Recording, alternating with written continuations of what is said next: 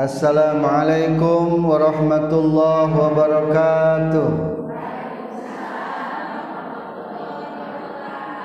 الحمد لله رب العالمين والعاقبة للمتقين ولا عدوان إلا على الظالمين. أشهد أن لا إله إلا الله الملك الحق المبين وأشهد أن محمدا عبده ورسوله صادق الوعد الأمين. اللهم صل وسلم وبارك على سيدنا ومولانا محمد وآله وصحبه أجمعين. أما بعد قال الله تعالى في القرآن الكريم أعوذ بالله من الشيطان الرجيم. بسم الله الرحمن الرحيم. يا أيها الذين آمنوا اجتنبوا كثيرا من الظن.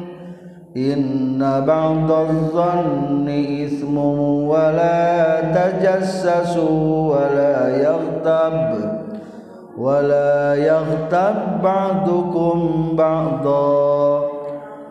أَيُحِبُّ أَحَدُكُمْ أَنْ يأكل لَحْمَ أَخِيهِ مَيْتًا فكرهتموه واتقوا الله إن الله تواب رحيم صدق الله Azim Para ibu ahli pangaosan dinten Jumat Pesantren Nurul Hasanah wal huda. Masih menjelaskan tentang ngupat. Dicandak tina kitab Tanbihul Ghafilin halaman 61 bahasan ayeuna ngabahas hukum gibah ngupat. Sakaterang ari ngupat teh hukumna do dosa leres gitu tah tapi aya nama lebih luas deui rincianana. Ari hukum nangupat ngomongkeun batur teh aya opat. Hiji kupur. Lamun ngomongkeun batur teu asa dosa. Nganggap halal ngomongkeun batur eta teh hukum kupur. Jadi ibu sakur-sakur te mengetahui mengakui anu haram te mengakui anu wajib hukum na tetenawan murtad. Salat wajib de wajib. Tiba-tiba ya jalma lah salat mata wajib. Murtad kufur harita kene. Aya jalma haji lah. Haji mah wajib tuh teu wajib haji mah. Naon munggah haji? Jalan-jalan mandu kanu deukeut bae. Ah, murtad kafir hukumna teu mengakui kana wajib. Atawa teu mengakui kana haram. Contoh lah ngupat mah teu naon-naon i ieu tah eta hukumna kufur atau murtad. Dina kitab Tanbihul Ghafilin ibu dijantankeun contoh ieu sok biasa kurang dilakukeun ieu contoh. Perilaku ngupat anu kalebetken karena haram. Maaf anu kalebetken karena kupur fahuwa ayyaktabal muslimu fayuqalu lahu la tag tab fayaqulu laisa hadha ghibah wa ana sadiqun fi dzalik biasana urang ya orang masuk ngomong kia lamun keur ngupat teh. Cek batur teh ulah ngupat atuh maneh teh. Ku urang dijawab ieu mah lain ngupat. Kuring mah nyaritakeun anu sabenerna. Eta teh puguh mah ngomongkeun batur tapi dianggap naon tah halal. Eta teh lebih parah dorakana teh. Ari urang masuk make judul, ya lain ngupat ieu mah. dan ngomongkeun nyaritakan saknyana si etak mah. Tuh berarti orang puguh-puguh doraka ngupate dianggap naon tah? Halal. Akur bae jeung mandang halal kana maling mandang halal kana zina di dieu mah mandang halal kana naon? Ngupat. Maka dorakana leuwih doraka. Disebutna kalebetkeun kana kufur. kupur hukumna. Ulah aya namanya. Aya Siti Aisyah Rasul kumaha lamun bener ieu mah ngomongkeunana. Cek Rasul yeuh ari ngupat mah ngomongkeun nu sabenerna. Tapi ngomongkeun kagorean nana. Tah lamun ngomongkeunana anu teu sabenerna eta mah lain ngupat tapi ngabohong.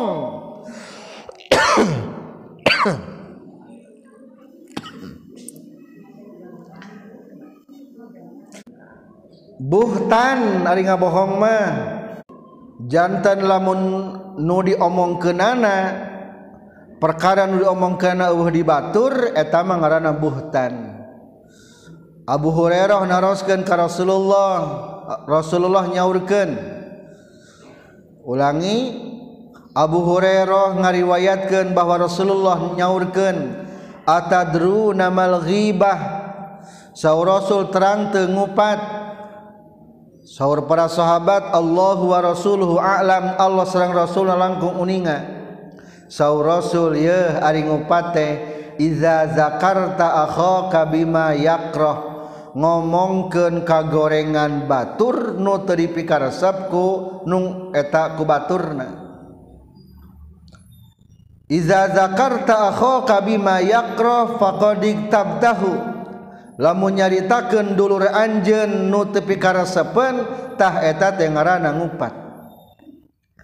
Aya sahabat naros araaita in kana fi akhi ma aqul? Rasul kumaha da ieu mah nyata. Naon nu diomongkeun ku kaula aya dina pribadi eta jalma diomongkeun.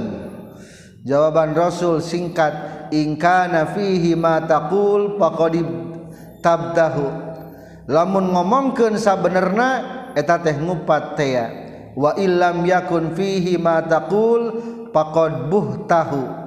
Lamun omongan urang eueuh di eta jalma diomongkeun berarti eta mangarana naon? Ngabohong. Dua nana dosa. Dosa ngabohong dosa kene ngupat. Lebih doraka ngabohong. Ari ngabohong masuk urang memitnah batur. nuuh disaha di dibatur jadi kade aya namanya lamun rek upat mah sok bae ngupat. Ulah dijodolan ieu mah lain ngupat. Ame teu doraka teu doraka pisan eta dijodolan kadua aya deui ngupat hukum nifak ari munafik mah jika teu dosa padahal manaon dosa. Ngopatna ieu mah tadi omongkeun ngaranna hehe urang ge panggih jeung si eta teh. Da nya geuning ai goreng adat si eta mah. Si eta teh saha ngartieun anu nganyang ngomong jeung urang mah ngartieun. Tah teu disebutkeun ngaranna ah ieu mah teu dosa meureun jiga mah da disebutkan ngaranana mah. Man papadahi ngerti seri-seri we cakakak cakakak disebutkan ngaranatah nu gitu mana ngarana munafik. Angger munafik kene. Sepintas mah jika te dosa padahal mah dosa. Dan ngertiin partner nu diajak ngomong jeung urang ngartosen angger. ya Allah nya tebihkeun tina ngupat nyiapkan dosa nyiapkan pahala urang. Katilu ibu ayah nu maksiat. Hukum gibah ayat tilu hiji kufur dua nifak tilu maksiat. Nusok biasa orang nyata ngomongkan ba batur nutupi karesepen adalah maksiat. Tah asal pokok mah hukumna maksiat. kaupat ibu aya di nu diganjar. Nu diganjar mah nu doraka geus eueuh ka era. Ari di urang Bang Emok boga ka era kena atau geus boga ka era? Lamun kira-kira geus teu boga ka era eta teh naon-naon diupatna. Ieu si eta masuk bisnis bareng Emok. Kade ulah kababakeun ku si eta? tapi lain tujuan ngahinakeun tujuan jang supaya hati-hati batur bisi kabawaken lain ngahinakeun tujuan naon? Bisi kabawaken ulah pipilun maneh mah. Tajid lamun kanu darakat yang sulumputan ayo naon? Geus eueuh kae ka era. Tah nu geus eueuh ka era mah bisi kabawakeun ul teu naon-naon diomongkeun. bisi aya tukang mabok di orang Insya Allah mual aya ayeuna geus teu usum. Wah geus eueuh ka era. Malam lebaran di pinggir jalan. Kade sia ulah ka pinggir jalan. Aya nu keur marabok tuh. Anak si anu anak si anu anak si anu. Kade maneh bisi kabawakeun. Tah eta mah teu naon? Naon. Dabongan nu mabokna geus tetegrakan. Beda jeung nu nyumput. masih keeh di bumi ulah diupat. Nudoraka nyumput ulah diupat. Jadi lamun geus tetegrakan teu naon-naon diupat. Atawa tukang sihir geus eueuh ka era. Umpamana eta ge sami. Pokona masakur sakur perbuatan maksiat lamun geus tetegrakan eta mah hukumna teu naon-naon. Berarti kalebetkeun hukum ngupat nomor opat nyaeta hukumna di diganjar. Opat diganjar ngupat jalma pasek anu tetegrakan terang-terangan. Nembongkeun ka pasekanana atawa ahli bid'ah. bisi aya ahli bid'ah aya aliran salat cukup tilu waktu. Kadek tenaon-naon diomongkeun? Kadek di lembur etama geus aya aliran anyar dedengkotna si anu salatna lain lima waktu kalah tilu waktu. Tah lamun perilaku bidah hukumna teu naon-naon diomongkeun. Wihande ibu hukum nangupat aya opat hiji kupur dua nifak tilu maksiat kaopat diganjar. Al Faqih Abu Les As Samarqon ibu ngadongeng. Anjena nyaurkeun ayah hiji riwayat nu katampi tiramakna bahwa ramakna ngadongeng. Ayah salah sawiyos nabi. Anu ketika kulam teh ngampi ilham ti Allah subhanahu wa ta'ala. Ilhamna lima. Wahyuna. Hiji. Naon bae panghelana nu katingali? Gerak dahar. Naon ka hiji ibu? Naon bae nu katingali? Gerak dahar. kedua tos kitu sumputkeun. Kedua naon? Sumputkeun. Katilu tarimakeun. Kaopat ulah putus asa. Kalima kabur kudu lumpat ulah hayang deket wihande naon ibu? Hiji nu katingali dahar tuluy sumputkan katilu tuluy tarimakan kaopat. Ulah putus asa kalima kudu kabur. Kudu kabur. Kumaha ibu? Kahiji? Naon nu katingali dahar kadua sumputkan tilu tarimakan opat ulah putus asaken batur membikin batur jadi pesimis kalima kabur lari. Ari barang enjing-enjing teh ibu ngadak-ngadak eta seorang nabi teh ningali gunung. Berarti kudu kumaha tadi ningali gunung? Ningali di da di dahar. Hah? Nuka katingali teh gunung. rekumah ngadaharna? Tapi berpikir Ari Allah mah la yukallifu nafsan illa aha Nah Allah mah mual nitah kanu teu kuat pasti orang mampu ngadahar gunung. Sampeurkeun be gunung ek didahar arang dik dahar ternyata eta gunung jadi ro roti. jadi madu cinggu marasana tah a, amis luar biasa. Maka dicaritakan eta gunung ngadak-ngadak jadi roti. Falamman taha ilaihi wajadahu luqmatan ahla minal asal. Sanes roti di dia mah bahasana adalah sahwapeun kadaharan lebih manis tibatan ma madu. Naon maksudna eta isarah naon Isarah kerambek uh ari kerambek masa naon katindihan gu gunung. Sok hayang ngomong naon baik ari keur naon mah? Kerambek tapi lamun orang nahan emosi na kuat engke bakal lebih naon? Manis. Aja jadi lamun ambek orang kudu sing kuat nahan emosi supaya lebih manis. coba lamun teu kuat nahan emosi mah. Budak umpamana cerik baik kalah dipeprek. Wah kalah bekiri we bekiri we kubatur nyeri hati kalah dilawan. Mual tamat sataun eta eh, teh moal mual tamat sataun tapi lamun sabar mah ih ngeuna jika budak letik gini isuk para saya berang maulin deui. ulah pipiluan kolot mah. Lamun kolot namiluan saminggu mual tamat.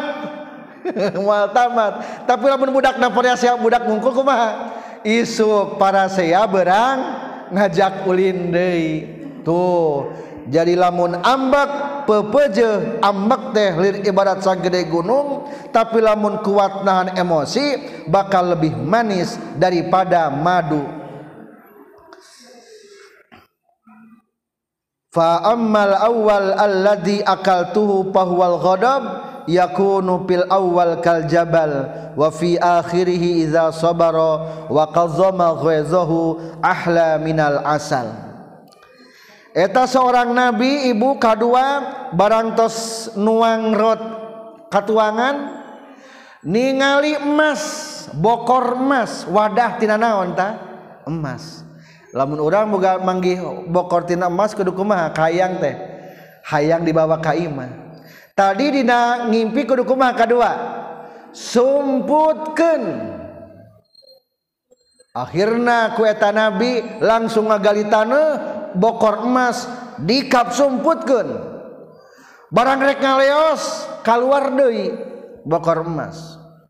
Disumputkeun deui kalah kenaon deui? keluar deui. Geus tilu kali nyumputkeun kaluar deui kaluar deui ya Allah abdi mah geus ditugaskeun ku Gusti nyumputkeun ieu bokor emas tapi kaluar deui kaluar deui nyanggakeun ka Gusti. Naon maksudna? Si orang teh ibu lamun boga kahadean sumputkeun. Ulah boga tahajud diomong-omong. Euceuh da penting mah abdi keur tahajud eta? ayar reket reket lain ngadongeng reket reket nah ngadongeng tahajud nah eta mah. Duh penting mah tas yasinan maca al-kahfi. Geus tamat teh nah ari palebah geus tamat dut hitut.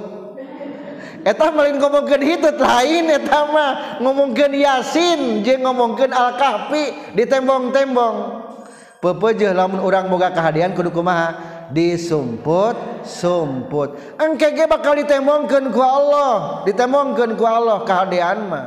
Moal ele. Jadi seulah rewas ibu kahadean urang anu bener bakal ditembongkeun ku Allah. Kedua naon perintahna? Sumputkeun. Naon kudu sumputkeun? Nyaeta kahadean. Engke ge bakal katembong ieu. Wasani fahuwa man amila hasanatan fa in katamahu fa innahu yazhar. Ibu lamun melakacang digolerkeun dikubur. Iya hayang alus mah dikubur ulah digolerkeun. Lamun amal hayang alus ulah digolerkeun ku dikumaha? Dikubur. Hari amal hayang alus mah disumput-sumput ulah hayang katingali ku batur. Ari katinggalian mah teu naon-naon, da urang mah geus nyumputkeun ieu. Kadua Pependakan anu katilu eta seorang nabi mendak deui ayah hiji manuk pastakbalahu ta'irun khalfahu baziun. Eta manuk teh manuk elang anu sok ngadaharan bangke geuning. Rek newak eta seorang nabi tapi eta manuk nyarios ya nabi ya Allah agisni tulungan abdi ya nabi Allah. Akhirnya ditampak yuk kadieu ya tuh minta tulung mah manuk elang. Akhirnya ku eta nabi ditarima. Naon nu kudu ditarima teh? Nya eta ama amanah. Lamun urang diberi amanah kudah ditari tarima. Ulah khianat. Wasalisu mani'tamanaka bi amanatin fala takhunhu. Lamun dipasihan kepercayaan pepejeh ulah khianat. Tarimaken. Akhirnya eta manuk elang entrep di eta seorang nabi. Faqabalahu wa ja'alahu fi kamihi akhirnya dirangkul geus dirangkul disimpen kana leungeun bajuna dilindungi. Saterasna eta manuk teh nyarita Ya Nabi Allah inni kuntu jaian wa inni kuntu fi talabi hadha said min mundul ghada hatta aradtu an akhadahu fala tuayyisni mir rizqi. Katilu kaopat ulah naon cek tadi? Ulah mutus asakeun. Akhirnya minta tulung tah manuk elang teh. Ya nabi Allah tulungan abdi abdi teh ngudag-gudag ieu hewan buruan ngan teu beunang bae. Tah ayeuna kuring teh lapar. Tulungan hayang dahar.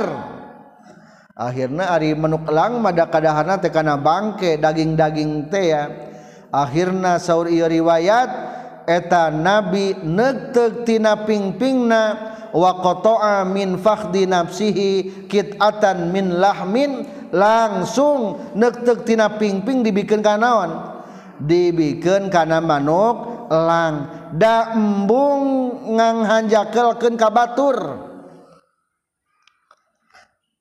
tah jadi maksudna kumaha? Kaopat?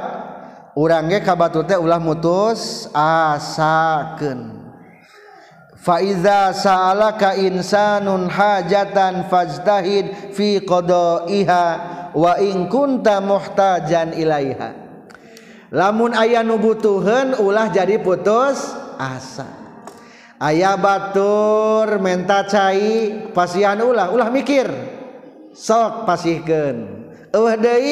tinggal sabare sewang ayaah nuka bumi bara main nunyuhunkan sok aya naon bae judulna malah aya nu bara main aya nu donasi ulah naon? Ulah mutus asakeun batur karunya. Pasihan we saayana. Syukur ageng teh aya nu ageng 1000 2000 500 Rasulullah mah teu pernah mutus asaken batur. Naon bay nu disuhunkan ku para sahabat? Ku Rasulullah dinaon. Langsung dicumponan. Mata kaupat ulah mutus asakeun. Kalima wahyu anu kalima jauhan. Ari barang tos kitu nulungan kamanuk elang wa madha faroa jifatan muntannah. Ari barang geus kitu ningali bangke anu bau biuk luar biasa geus bilatungan geus buruk bauna luar biasa. Berarti kudu naonan ta jauhan. Naon maksud ari bangke? Ari bangke teh nyaeta ngupat. Wal khamisu gibah. fahrub minal ladzina yaghdabunan nas lamun aya nu keur ngomongkeun batur berarti keur ngome naon eta teh?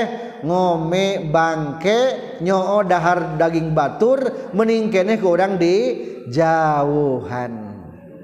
Kahiji naon nu ku dahar sarajan berat? Gunung nyata naon? Kahiji naon wahyu ka nabi nembe dahar nyaeta ambek. lamun orang kuat nahan emosi bakal semakin manis. Kedua kuburkan nyaeta kahadean. Katilu tarimakeun nyaeta amanah. Anu kaopat? Ulah mutus asakeun batur. Nyaeta batur minta tulung cumponan. Kalima kabur. Lamun ningali nguping jalma nuker ngomongkeun. Di lembur banyak di kabur sok karunya. Bisa kasinggung. Berarti lamun orang sok sering ngomong jeng batur kadang-kadang ayah we tete ngupatnya. Lah geus wayah kieu mah jigana teh mending kena ulah uzlah we di bumi we. Ibu-ibu di bumi we lah ulah lobating ngobrol jeung nusanes ameh tepatos ti lobating dosa. Saterasna kumaha ari tobatna ibu tobat ngupat? Menurut Imam Abu Les As-Samarqandi hukumna ikhtilaf. Tapi menurut anjeunna mah kieu tobat ngupat nyaeta sarang lamun upatan can nepi kajal makna mangga? Orang kudu istighfar ka Allah. Lamun upatan geus nepi kajal makna orang kudu menta hampura ka pribadina. Jadi ibu lamun ibu tas ngomongkan batur emut cing omongan orang teges nepi can? kadang-kadang ayo nepi ayo nunte ka urang sok aya nu ngalaporkeun nya euceu euceu dajek euceu euceu anu mah euceu teh anu anu anu. Hah? berarti geus nepi eta mah omongan urang teh. Wayahna buru-buru sampeurkeun urang minta hampura ngan lamun diperkirakeun teh nepi cukup ka istig istighfar ka Allah Subhanahu wa taala. Eta lamun ngupat. aya deui lamun bohong. Cek tadi mah bohong teh lebih naon? Leuwih doraka tibatan ngumpat eta mah tilu. Carita cara tobat nah hiji.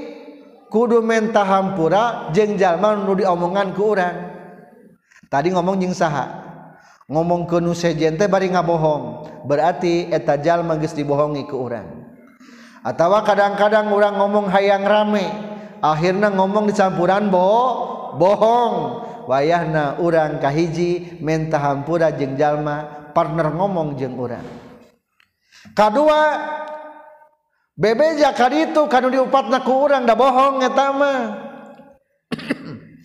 Ece ece hampura kuring teh ngomongkeun ece ngani tambahan da hayang rame ditambahan ku bohong. Uh, berarti wayahna dua tah kudu disamperkeun ka ngupatna. Aduh untung teu keur nyekel halunya eta. Lamun keur nyekel halu dibanting urang mata ripuh lamun lamun ngomong kenana nya dibarengan ku bohong. Katilu adalah istighfar. Istighfar katilu mah. Istighfar langsung ke Allah Subhanahu wa taala. Eta uraian tentang tina kitab Tanbihul Ghafilin. Mudah-mudahan ageng manfaatna. Subhanaka allahumma bihamdika. Asyhadu alla ilaha illa anta. Astaghfiruka wa atubu ilaik. Wabillahi taufiq wal hidayah. Wassalamualaikum warahmatullahi wabarakatuh. Allahumma salli